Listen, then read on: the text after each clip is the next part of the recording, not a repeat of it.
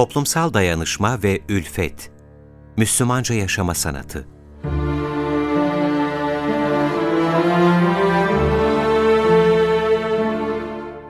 Resulullah sallallahu aleyhi ve sellem şöyle buyurdu. Kim cehennemden uzaklaşıp cennete girmek isterse, Allah'a ve ahirete inanırken ölüm kendisine erişsin. İnsanların kendisine nasıl davranmalarını istiyorsa, o da insanlara öyle davransın.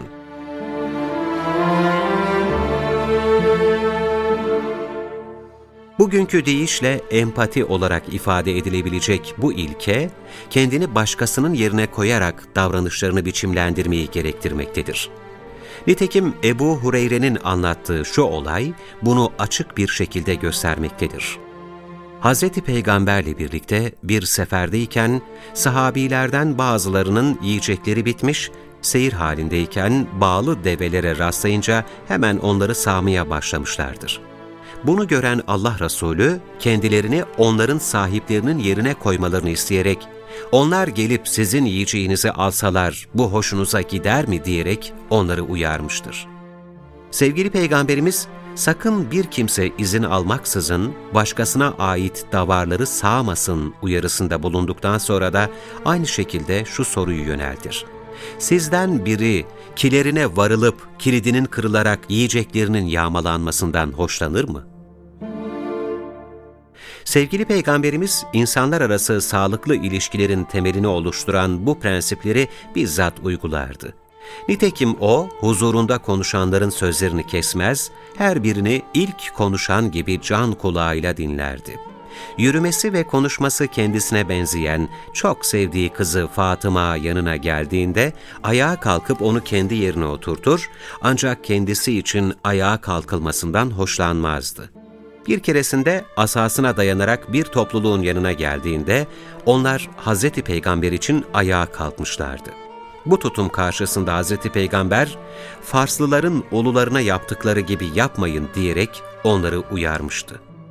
Enes bin Malik'in bildirdiğine göre Hz. Peygamber'in bu davranıştan hoşlanmadığını bildikleri için ashab, kendilerine Resulullah'tan daha sevimli kimse olmamasına rağmen onu görünce ayağa kalkmazdı. Aşırı tazimden sakındıran hikmet peygamberi, insanların birbirleri hakkında abartılı övgülerini de doğru bulmamıştır. Nitekim huzurunda bir arkadaşını öven kimseye defalarca yazık sana, arkadaşının boğazını kestin ifadesiyle uyarıda bulunmuş ve sanıyorum falanca şöyle şöyledir, hesabını görecek olan da Allah'tır ve Allah'a karşı hiç kimseyi tezkiye etmeye kalkmam şeklinde ihtiyatlı beyanda bulunmasını tavsiye etmiştir. Öte yandan aşırı övgülerin de, övgüde bulunanın da dikkate alınmaması gerektiğini ifade etmek için meddahları, övgü düzenleri gördüğünüzde yüzlerine toprak saçın buyurmuştur. Elbette iyilik sahibine övgüde bulunmak anlamlıdır ancak bunun dal kavukluğa dönüşmemesi gerekir.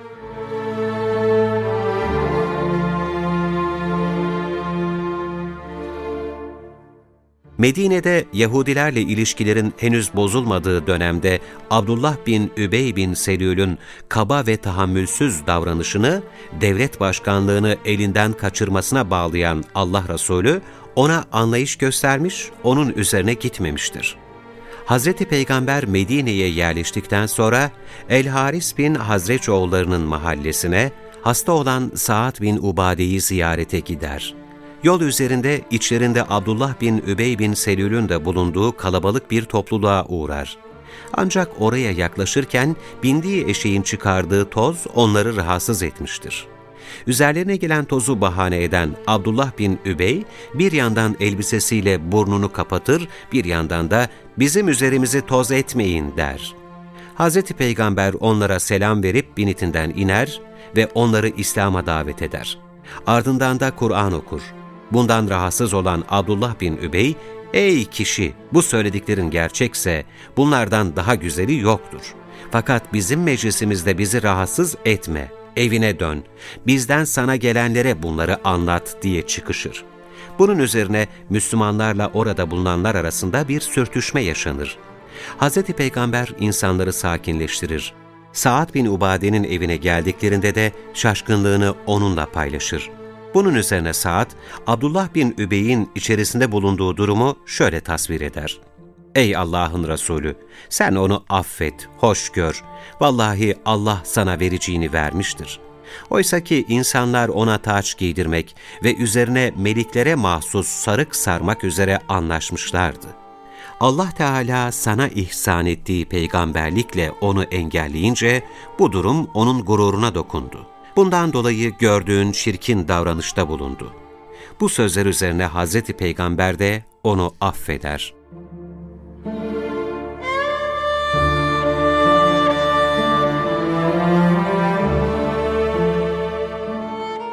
Sevgili Peygamberimiz toplumda insanları rahatsız edecek kaba davranışlar bir yana, onları tedirgin edecek tavırlardan bile sakınılmasını tavsiye etmiştir. Okuyla birlikte mescide uğrayan birine, onun temrenine demir ucuna sahip çık uyarısında bulunması bu anlayışın gereğidir. Aslında o, her hal ve şartta insanlara kolaylık gösterilmesini istemiştir. Allah Resulü, Kendisi cehennem ateşine ve cehennem ateşi de kendisine haram olan kişiyi size bildireyim mi? Cana yakın, yumuşak huylu, kolaylaştırıcı kimse buyurmuştur.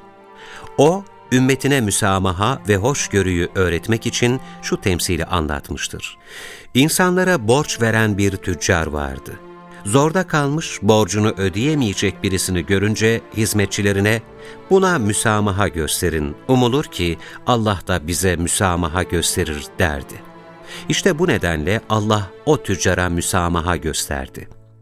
Bir başka hadisinde de Allah alışın, satışın ve ödemenin müsamahalı olanını sever diyerek müsamahakar kimsenin Allah'ın hoşnutluğunu kazanacağını ifade etmiştir.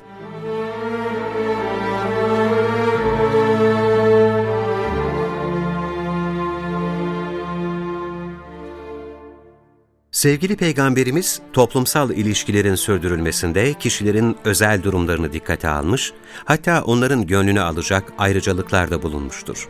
Mesela kendisine getirilen kaftanları ashabına dağıtan Allah Resulü, kaba davranışlarıyla bilinen Mahreme bin Nevfer için bir tanesini ayırmıştır.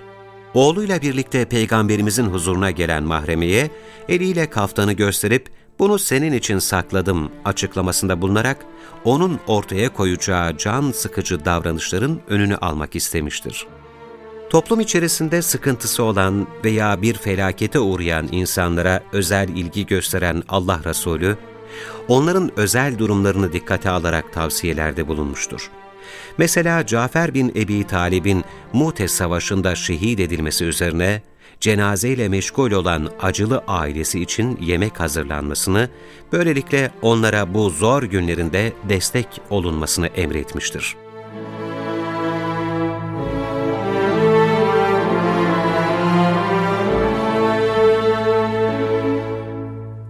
Allah Resulü toplumsal huzuru ve barışı sağlayan anlayış, hoşgörü ve sabrın yerini alan kin ve hasedin her şeyi yok edeceğini belirterek şu hadisiyle bunlardan sakındırmıştır. Geçmiş toplumların hastalığı size de bulaştı. Haset ve kin beslemek. İşte bunlar kökten yok edicidir. Saçı tıraş eder demiyorum, aksine dini kökünden kazıyıp yok eder. Bu canı bu tende tutan Allah'a yemin ederim ki, iman etmeden cennete giremezsiniz.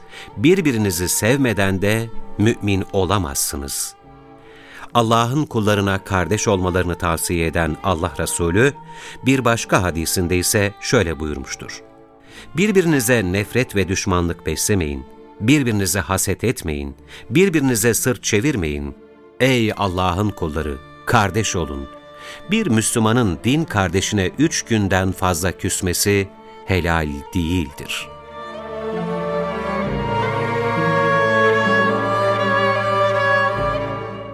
Yaşadığı topluma hatta bütün dünyaya karşı sorumluluk sahibi olan Müslüman, gördüğü olumsuzluklara gücü nispetinde müdahale etmeli ve onları ortadan kaldırmak için çaba sarf etmelidir. Zira Allah Teala Müslümanlar olarak isimlendirdiği bu ümmeti seçmiş, her peygamberi kendi ümmetine şahit kılarken onlara özel bir görev yüklemek suretiyle kendilerini bütün insanlığa şahit kılmıştır. Dolayısıyla Müslüman, bütün dünyadaki aç, açık, zulme uğrayan ya da muhtaç olanları görmek, gözetmek ve elinden geldiği kadar herkesin derdine derman olmak yükümlülüğündedir. Güler yüzlü olmak, iyilikleri yaymak ve eziyetlere engel olmak şeklinde tarif edilen güzel ahlak, Müslümanların yaşadığı toplumlardaki insanlarla ilişkilerini şekillendirmede en temel ölçütlerden biridir. İnsan olma noktasında herkese aynı değeri veren İslam dini, Müslümanların diğer din mensuplarıyla ilişkilerinde de bu esası temele koyar.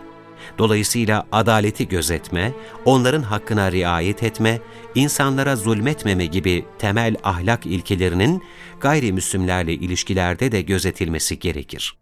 Ancak gerek kişinin şeref ve onuruna, gerekse dini değerlerine ve inancına saygısızlık, hakaret ve saldırı olması durumunda, Müslümanın diğer insanlarla ilişkisini buna göre belirlemesi gerekir.